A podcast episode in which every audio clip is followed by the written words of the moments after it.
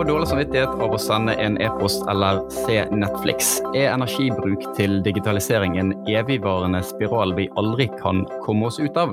Hjertelig velkommen til ukens utgave av Energi og klima. Med oss til å diskutere dette har vi Julian Henschel, manager i Tema Consulting, der du eh, Julian, jobber mye med markedsdesign innen energifeltet spesielt. Velkommen eh, tilbake, Julian. Tusen takk. Og dagens eh, hovedgjest, Elisabeth Nissen Eide, bærekraftansvarlig hos IT-leverandøren Athea. Velkommen til oss, Elisabeth. Takk for at jeg fikk komme. Eh, aller først, eh, Elisabeth, hva gjør en bærekraftansvarlig i eh, Athea? Det er bra du spør om det. Så det er veldig mye forskjellig. For det første så er det jo nedside, nedside ved teknologi som vi skal snakke litt om i dag, som vi må prøve å redusere. Bl.a.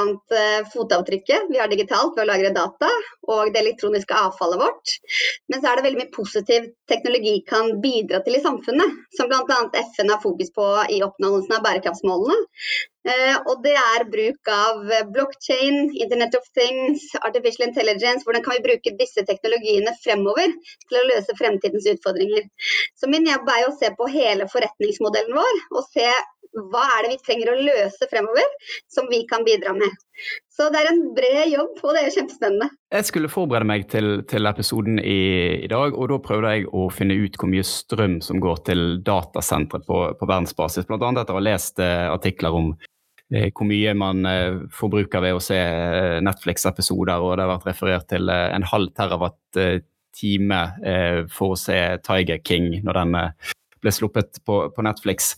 Eh, men det, det, var ikke så lett som jeg hadde trodd. Altså Det siste oppdaterte tallet jeg fant, er fra tidsskriftet Science, som sier ca. 205 terawatt-timer globalt til, til datasentre, som er ca. 1 av, av verdens energiforbruk i dag. Og I, i samme artikkel så går man også ganske kraftig i rette med, med det som har vært av, av tidligere estimat, både på, på strømforbruk og eh, på utslipp. altså at hvis alle datasentre i verden hadde blitt drevet utelukkende av kullkraft, så ville man likevel ikke hatt like høye utslipp som man tidligere har, har brukt i, i sammenligninger. Og så, og så, tenker jeg at Utgangspunktet her er jo at alle ser at man bruker mer data, digitaliseringen skyter fart, og at det er et økt energiforbruk. Men hva vet vi egentlig om eh, måten vi teller det på i dag, og hvordan, hvordan veksttakten vil være.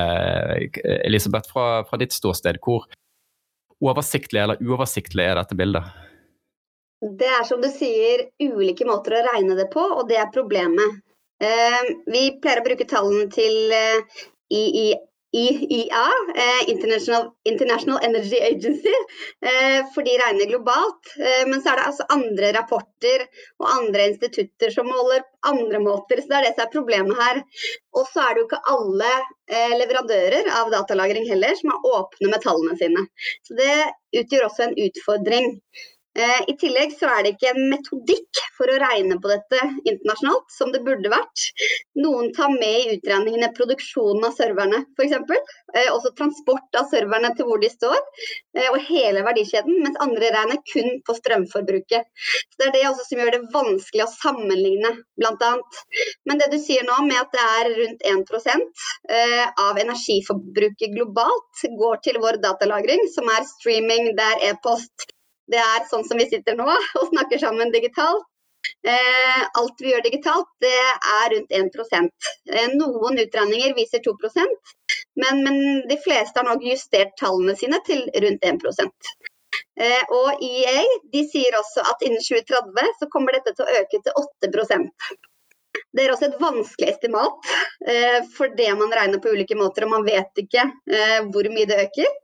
Men, eh, men, det er likevel en stor økning vi kommer til å se, og det er fordi vi digitaliserer mer og mer. Og flere og flere av tingene våre bruker internett, som også trenger å lagre data og bruke datasentrene. Så nå har, rundt, nå har vi rundt 25 milliarder enheter koblet til internett i dag. Mens innen 2030 eh, så kommer det til å være én billion enheter. Så det sier noe om takten vi øker digitaliseringen i. Så vi vet jo at datamengden vår kommer til å øke fremover. Så selv om vi ikke vet nøyaktig tallene på hvordan det ser ut, så vet vi at det er en stor del, del av verdens energiforbruk. Vi skal, vi skal, diskutere mer om, eh, om datasentre, spesielt i, i, Norge, der jeg vet uh, dere i Tema òg har jobbet, uh, Julian. Men det, det, jeg lurer litt på, Elisabeth, når du si, nevner denne veksttakten. altså uh, Man øker antall enheter, men hva, hva er tiltakene for å unngå at si, energiveksten vokser like, med like samme høy høy frekvens som, som, antall enheter. Så snakker man energieffektivisering. Kan man eh, si, kode mer effektivt? Eh, gudene vet, jeg eh, har ikke eh, falt av kodingen når DOS forsvant ut som operativsystem, så jeg vet ikke hva som er mulig. Men altså, hva, hva, eh, hva tiltak har man på, på for å liksom løsrive de to vekstkurvene fra hverandre? Eh, de tingene du nevner her, er, er, er begge deler viktige. Så, så, siden 2015 til 2020 så har jo vi også triplet internettbruken vår og digitaliseringen vår. Men vi bruker ikke mer energi på datasentre nå enn vi, gjorde i 2015. Så det vil jo si at vi har effektivisert serverne våre, effektivisert hvor mye data vi kan lagre på hver server. Eh, ved bruk av AI-teknologi så har man på datasentrene klart å håndtere mer data per enhet osv. Så, videre. så man har gjort veldig mye de siste årene på å effektivisere serverne og bruken av datasentrene. Så det er kjempepositivt. Men det leverandørene nå sier, er at nå har man gjort så mye man måler datasentrene på energieffektivitet, og det er en minimum man kan ha på den effektiviteten. Nå har man gjort så mye at man klarer ikke å holde tritt med utviklingen i digitaliseringen, og fremdeles effektivisere.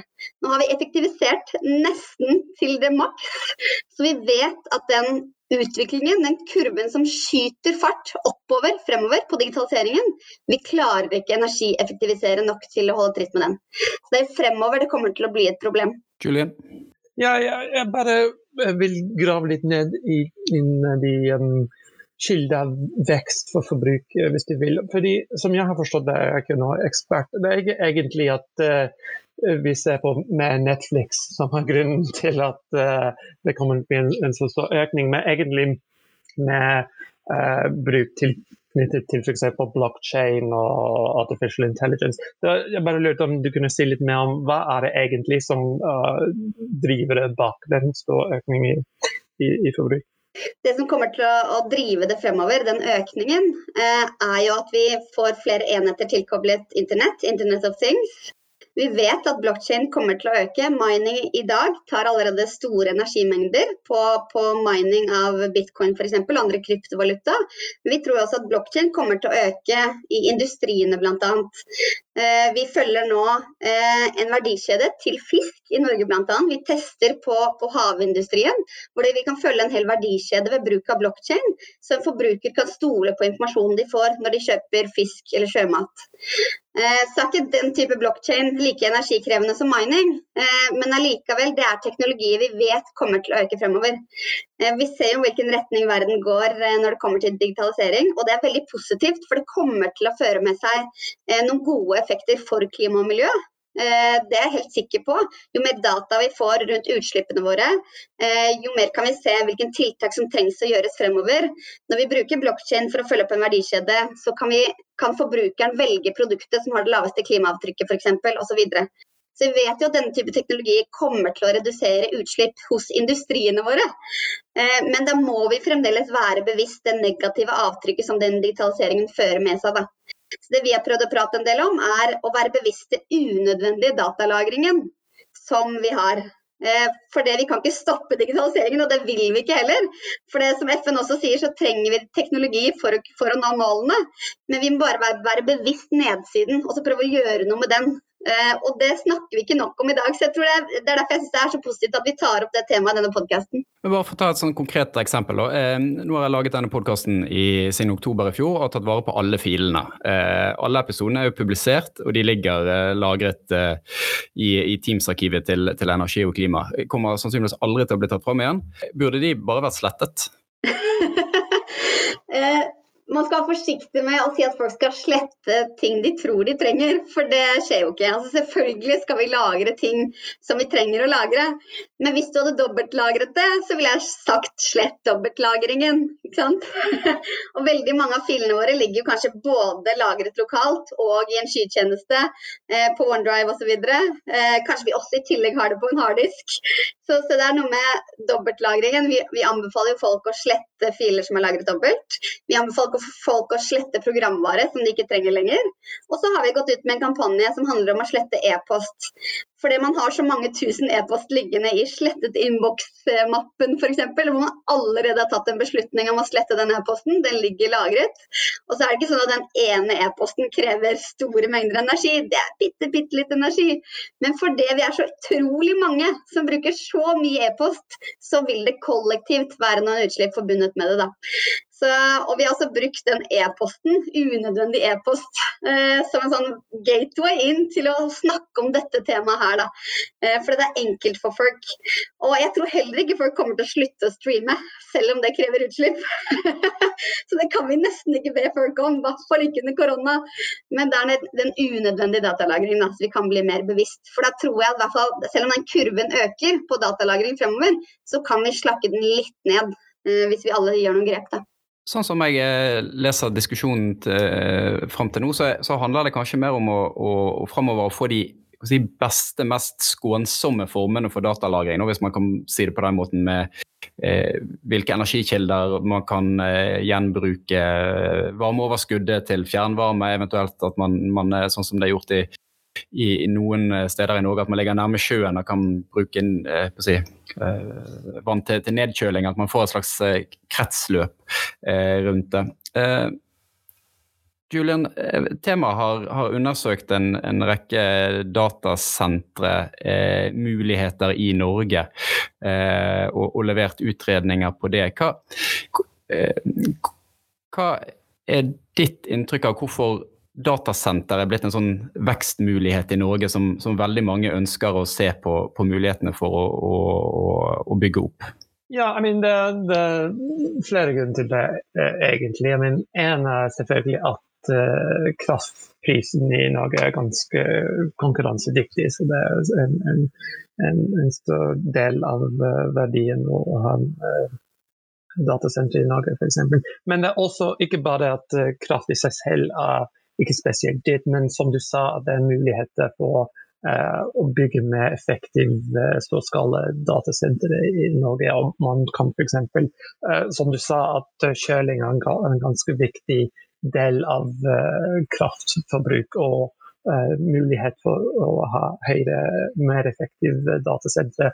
Men det, det, er mange ting man må tenke gjennom når man eh, vil bygge opp en datasenter. Så det, det er ikke bare kraftinfrastruktur, men også datainfrastruktur, f.eks. Du er jo eh, opprinnelig fra, fra Storbritannia, Julian. I, I, Norge så er jo datasentre omgitt av en litt sånn si, positiv tilnærming. Har i hvert fall vært det fram til man har begynt å diskutere kraftunderskudd og overskudd eh, i, i, industrien. Eh, med tanke på altså, bruk av kraft og arbeidsplasser i distrikter etc. Eh, hvordan er, skiller den diskusjonen seg fra, fra Storbritannia, eller er, er det en eh, til, tilsvarende si, datasenterdiskusjon i, i, i, ditt hjemland?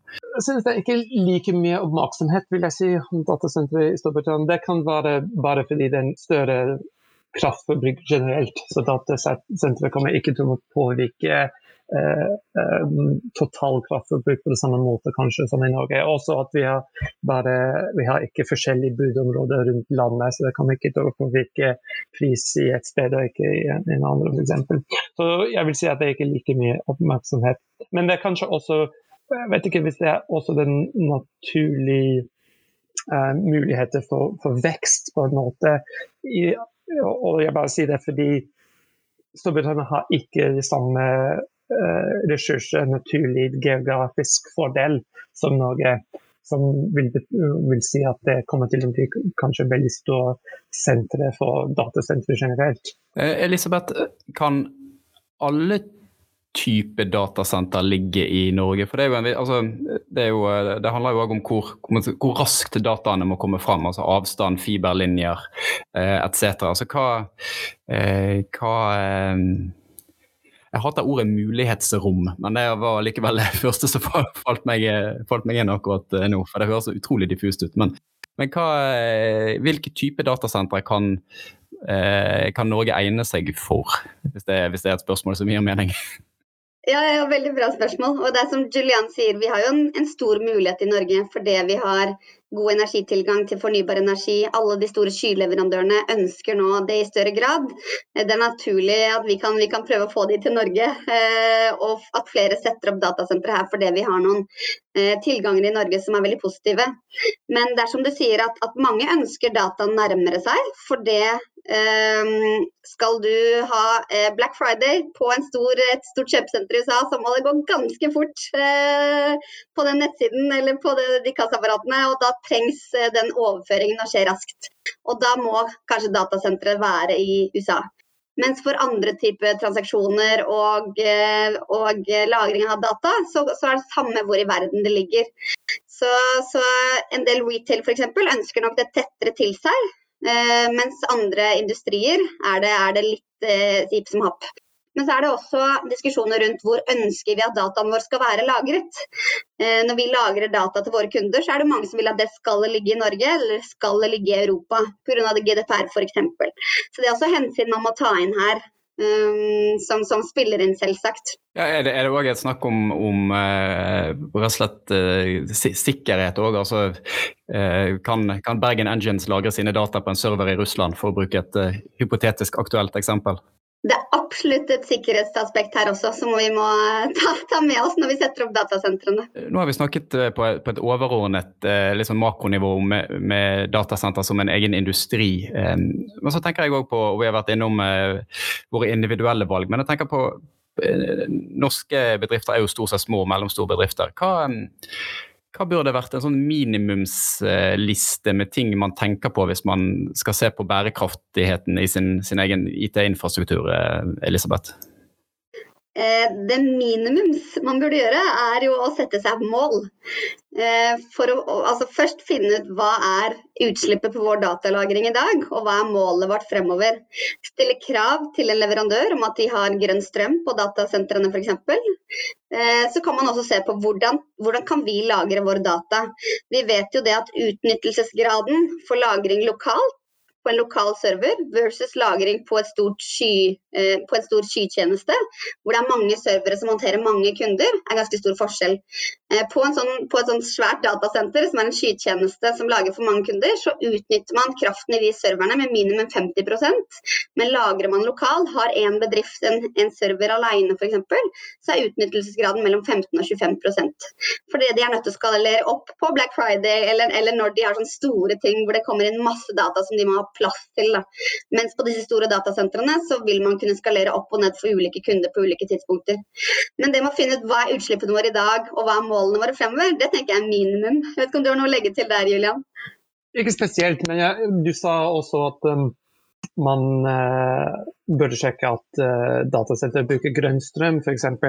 Og jeg, jeg, tenker at uh, det er lett å si, men det er, det er ganske mye som uh, Eh, hva, hva betyr det egentlig å bruke grønn strøm?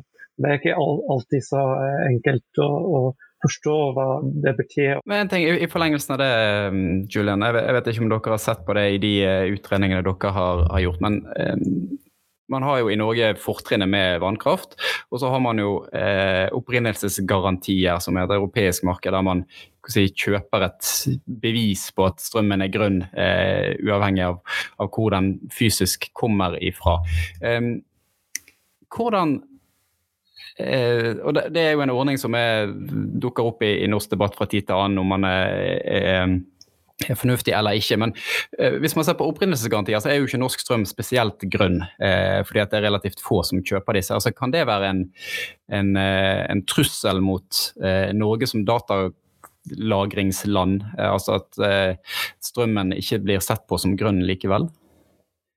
I mean, ja, I mean, absolutt. Dette er det samme debatt som, som du sier dukker opp i flere steder. at fordi vi har disse forskjellige måte å beregne det betyr å kjøpe grønn strøm, at vi finner at er noen kunder som f.eks. peker på at de, de, bruker eh, strøm fra Norge. Ja, det, er, sånn, eh, det er mest vannkraft, men likevel disse opprinnelsesgaranti blir solgt til en annen land. Og uh, det, vi har kunder som uh, teller f.eks. det samme, kraftprodusenter to ganger i, i, forskjellige steder. Så det er absolutt et problem. Um, um, men det, det, er opp til kundene å, å bestemme hva de vil ha og, og hvordan de vil beregne ting.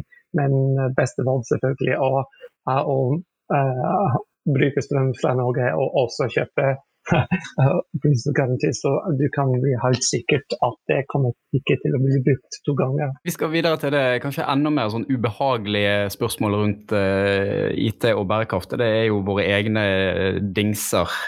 I 2019 så var Norge det landet som hadde høyest uh, kilo såkalt e-waste per capita i, i, verden, som er en samlebetegnelse for det meste elektroniske utstyret vi, vi har. I Athea så, så jeg at man har eh, satt seg et én-til-én-mål i, i 2030 på for hver solgte enhet så skal en enhet eh, gjenbrukes eller gjenvinnes. Det engelske ordet 'recover'. Eh, jeg vet ikke helt hva, hva man spesifikt legger i det, men, men hva, hva, betyr det i praksis, Elisabeth? I praksis så betyr det at vi må komme oss til en sirkulær økonomi. Eh, det må vi alle gjøre, og selvfølgelig må vi det i IT. Altså IT har jo en av de mest komplekse verdikjedene som finnes. Vi har gjort noen utregninger selv at en PC består av rundt 1500 deler. Det er ganske mange mineraler og komponenter som skal inn i en PC og en mobil og en skjerm eh, og annet elektronisk utstyr. Eh, og vi må få det inn igjen i sirkulærøkonomien. Så Fremtiden i våre hender hadde en undersøkelse i 2019 hvor det viste at det ligger 10 millioner mobiltelefoner hjemme i norske hjem. Og de er jo fulle av gull og sølv og kobber og stål og aluminium og plast og alt som må brukes på nytt igjen i nye produkter. Så vi kan faktisk ikke ha ting liggende i skuffene våre innen 2030. Skal vi komme oss til denne sirkulærøkonomien. Så derfor har vi satt oss det én-til-én-målet. Men det handler jo ikke om kun om oss, det handler om hele samfunnet. Vi er nødt til å komme oss dit, rett og slett. Nå er det sånn at 15 av 30 mineraler eh, i en mobiltelefon er truet. Altså, det er jo ikke en fornybar ressurs, dette her. Det er, det er mineraler som vi tar ut av jorden, eh, ofte i, i, steder hvor det er konflikt. Eh, hvor vi må være veldig obs på arbeidstakerrettigheter, menneskerettigheter. Eh, ett mineral i et batteri blir fraktet flere ganger over ekvator før det settes inn i batteriet. Eh, For det forskjellige fabrikker ligger rundt omkring i verden. Så det er bare et helt enormt komplekst system. Så det, bygger opp under at uh, vi må levere tilbake tingene. Jeg tror vi har gjort noen beregninger på at 95% av klimaavtrykket til en elektronisk enhet foreligger i produksjonen. Så du kan bruke den så lenge du vil, og det er fremdeles rundt 5% bare av utslippet til den enheten. Um, hvis vi får det inn igjen og kan lage nye produkter, eller gjenbruke det Vi ser at en PC kan gjenbrukes opp mot tre ganger og brukes i ni år. De færreste bruker PC-en vår i ni år. Vi kan reparere batteriet eller skjermen eller også selge det på nytt igjen. Eller så kan vi ta fra hverandre komponentene og bruke det i nye produkter. Så man slipper denne enorme, komplekse verdikjeden, og så reduserer man utslippene. Og Da kan man gjenbruke disse produktene og få jeg tenker på, eh, altså Kravene til ytelse stiger jo eh, hele tiden. Den PC-en jeg brukte alle konfirmasjonspengene mine på i eh, 1999, tror jeg. Eh, den ville jo ikke fungert eh, spesielt godt med, med, dagens eh, krav. Men da er det snakk om altså, de mineralene og, og res, si, ressursene som kan si, gjenbrukes uten at det går på bekostning av, av ytelse. Yes, absolutt. Eh, så alt som ligger i den, den, mobilen du har hjemme i skuffen, vi alle har hjemme i skuffen, det må, det må brukes i nye produkter. Eh, og så er det ikke alle som trenger top notch. Jeg har brukt PC og brukt mobil. I min jobb funker det helt fint. Eh, men skulle jeg sitte til kodet f.eks., så måtte jeg nok ha noe med, noe med litt større prosessorkraft osv. Men da kan noen andre bruke min PC videre igjen etter det. Fordi vi kan bytte ut harddisken eller batteriet eller hva det skal være. det. Jeg har én uh, ekstra telefon liggende hjemme. Julian, hvor mange, hvor mange lik i lasten har du? Jeg, som, som, som du, du, sa, det jeg begynte å føle, veldig skyldig. Det er, faktisk, kona mis telefon, men det ligger kanskje en meter fra meg som gammel, gammel eh, AirPod. Bare ligger der. Men det må vi gjøre noe med. Men her skal vi ikke ha noen pekefingre. For altså, dette er, en, Vi har ikke snakket nok om det. Folk, folk kan ikke dette. Det er ikke rart at det ligger hjemme i norske hjem. Altså, Jeg har også ting liggende i familien min, og det er fordi at det er først nå vi begynner å få det opp på agendaen i samfunnet. Elektronisk avfall er verdens vok raskest voksende avfallsstrøm. Eh, det sier jo litt, og du nevnte jo Martin med at vi, vi er jo på topp i Norge mange så, det sløsesjokket på NRK, som viste at vi kaster vel rundt 26 kilo elektronikk hver i år eller noe sånt i Norge.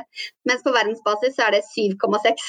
Så det er jo veldig stor forskjell. Men vi er en storforbruker da, av eh, elektronikk. Uh, og det er helt OK så lenge vi får det inn igjen i loopen. Får det inn igjen til gjenbruk og får det inn igjen til resirkulering.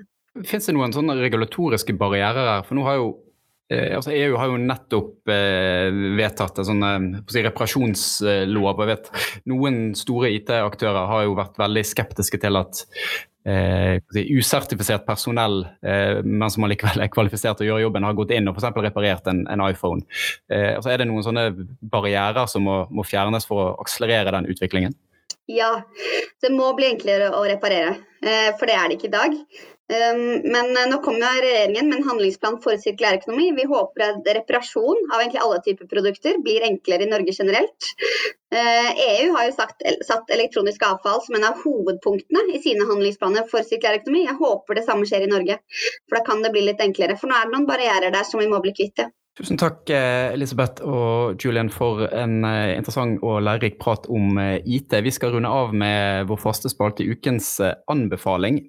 Der kan jeg eh, starte. Jeg har eh, plukket med meg en rapport fra analysebyrået Bloomberg NEF, som har, eh, har laget en bruksanvisning for hvordan man skal sammenligne ulike klimamål fra land, som kanskje er spesielt aktuelt når man har klimatoppmøter i USA senere i dag, og man begynner å få stadig flere målsetninger rundt omkring frem mot klimatoppmøtet i, i i Glasgow. Så den er ganske, ganske fyldig, men òg et fint lite sammendrag hvis man ikke har tid til å få med seg hele. Uh, Julian, hva har du uh, med deg? Uh, ja, jeg har tenkt å anbefale at uh, Energi Norge har akkurat blitt ferdig med en uh, tredel webinarserie som handler om brexit og hvordan det kommer til å påvirke krafthandelen mellom Norge og Storbritannia selvfølgelig spesielt. Og det var gratis og på Facebook, og jeg tror man kan gå tilbake og sette den når man vil. Strålende. Elisabeth, da skal du få lov å avslutte. Jeg har lyst til å si tusen takk for at dere setter dette på agendaen, og oppfordrer egentlig alle som hører på eh, til å gå hjem og leite i den skuffen. alle som selger elektronisk utstyr må ta det tilbake igjen, så du kan levere det tilbake hvor du vil. Eh, der, du, der hvor du har kjøpt det, eller der hvor du ikke har kjøpt det. Eh, og eh, still krav eh, på, på, jobben med datalagringen din, og vær også bevisst på din egen datalagring, om det er noe unødvendig som du kan gå hjem og slette. Eh, da blir vi veldig glad hvis vi kollektivt kan redusere litt utslipp eh, og skape den bevisstheten fremover. Så takk for at dere setter dette på agendaen. Tusen takk. Takk til deg som har hørt på. Husk at du kan abonnere på Energi og klima i din foretrukne podkastavspiller. Vi høres igjen neste uke.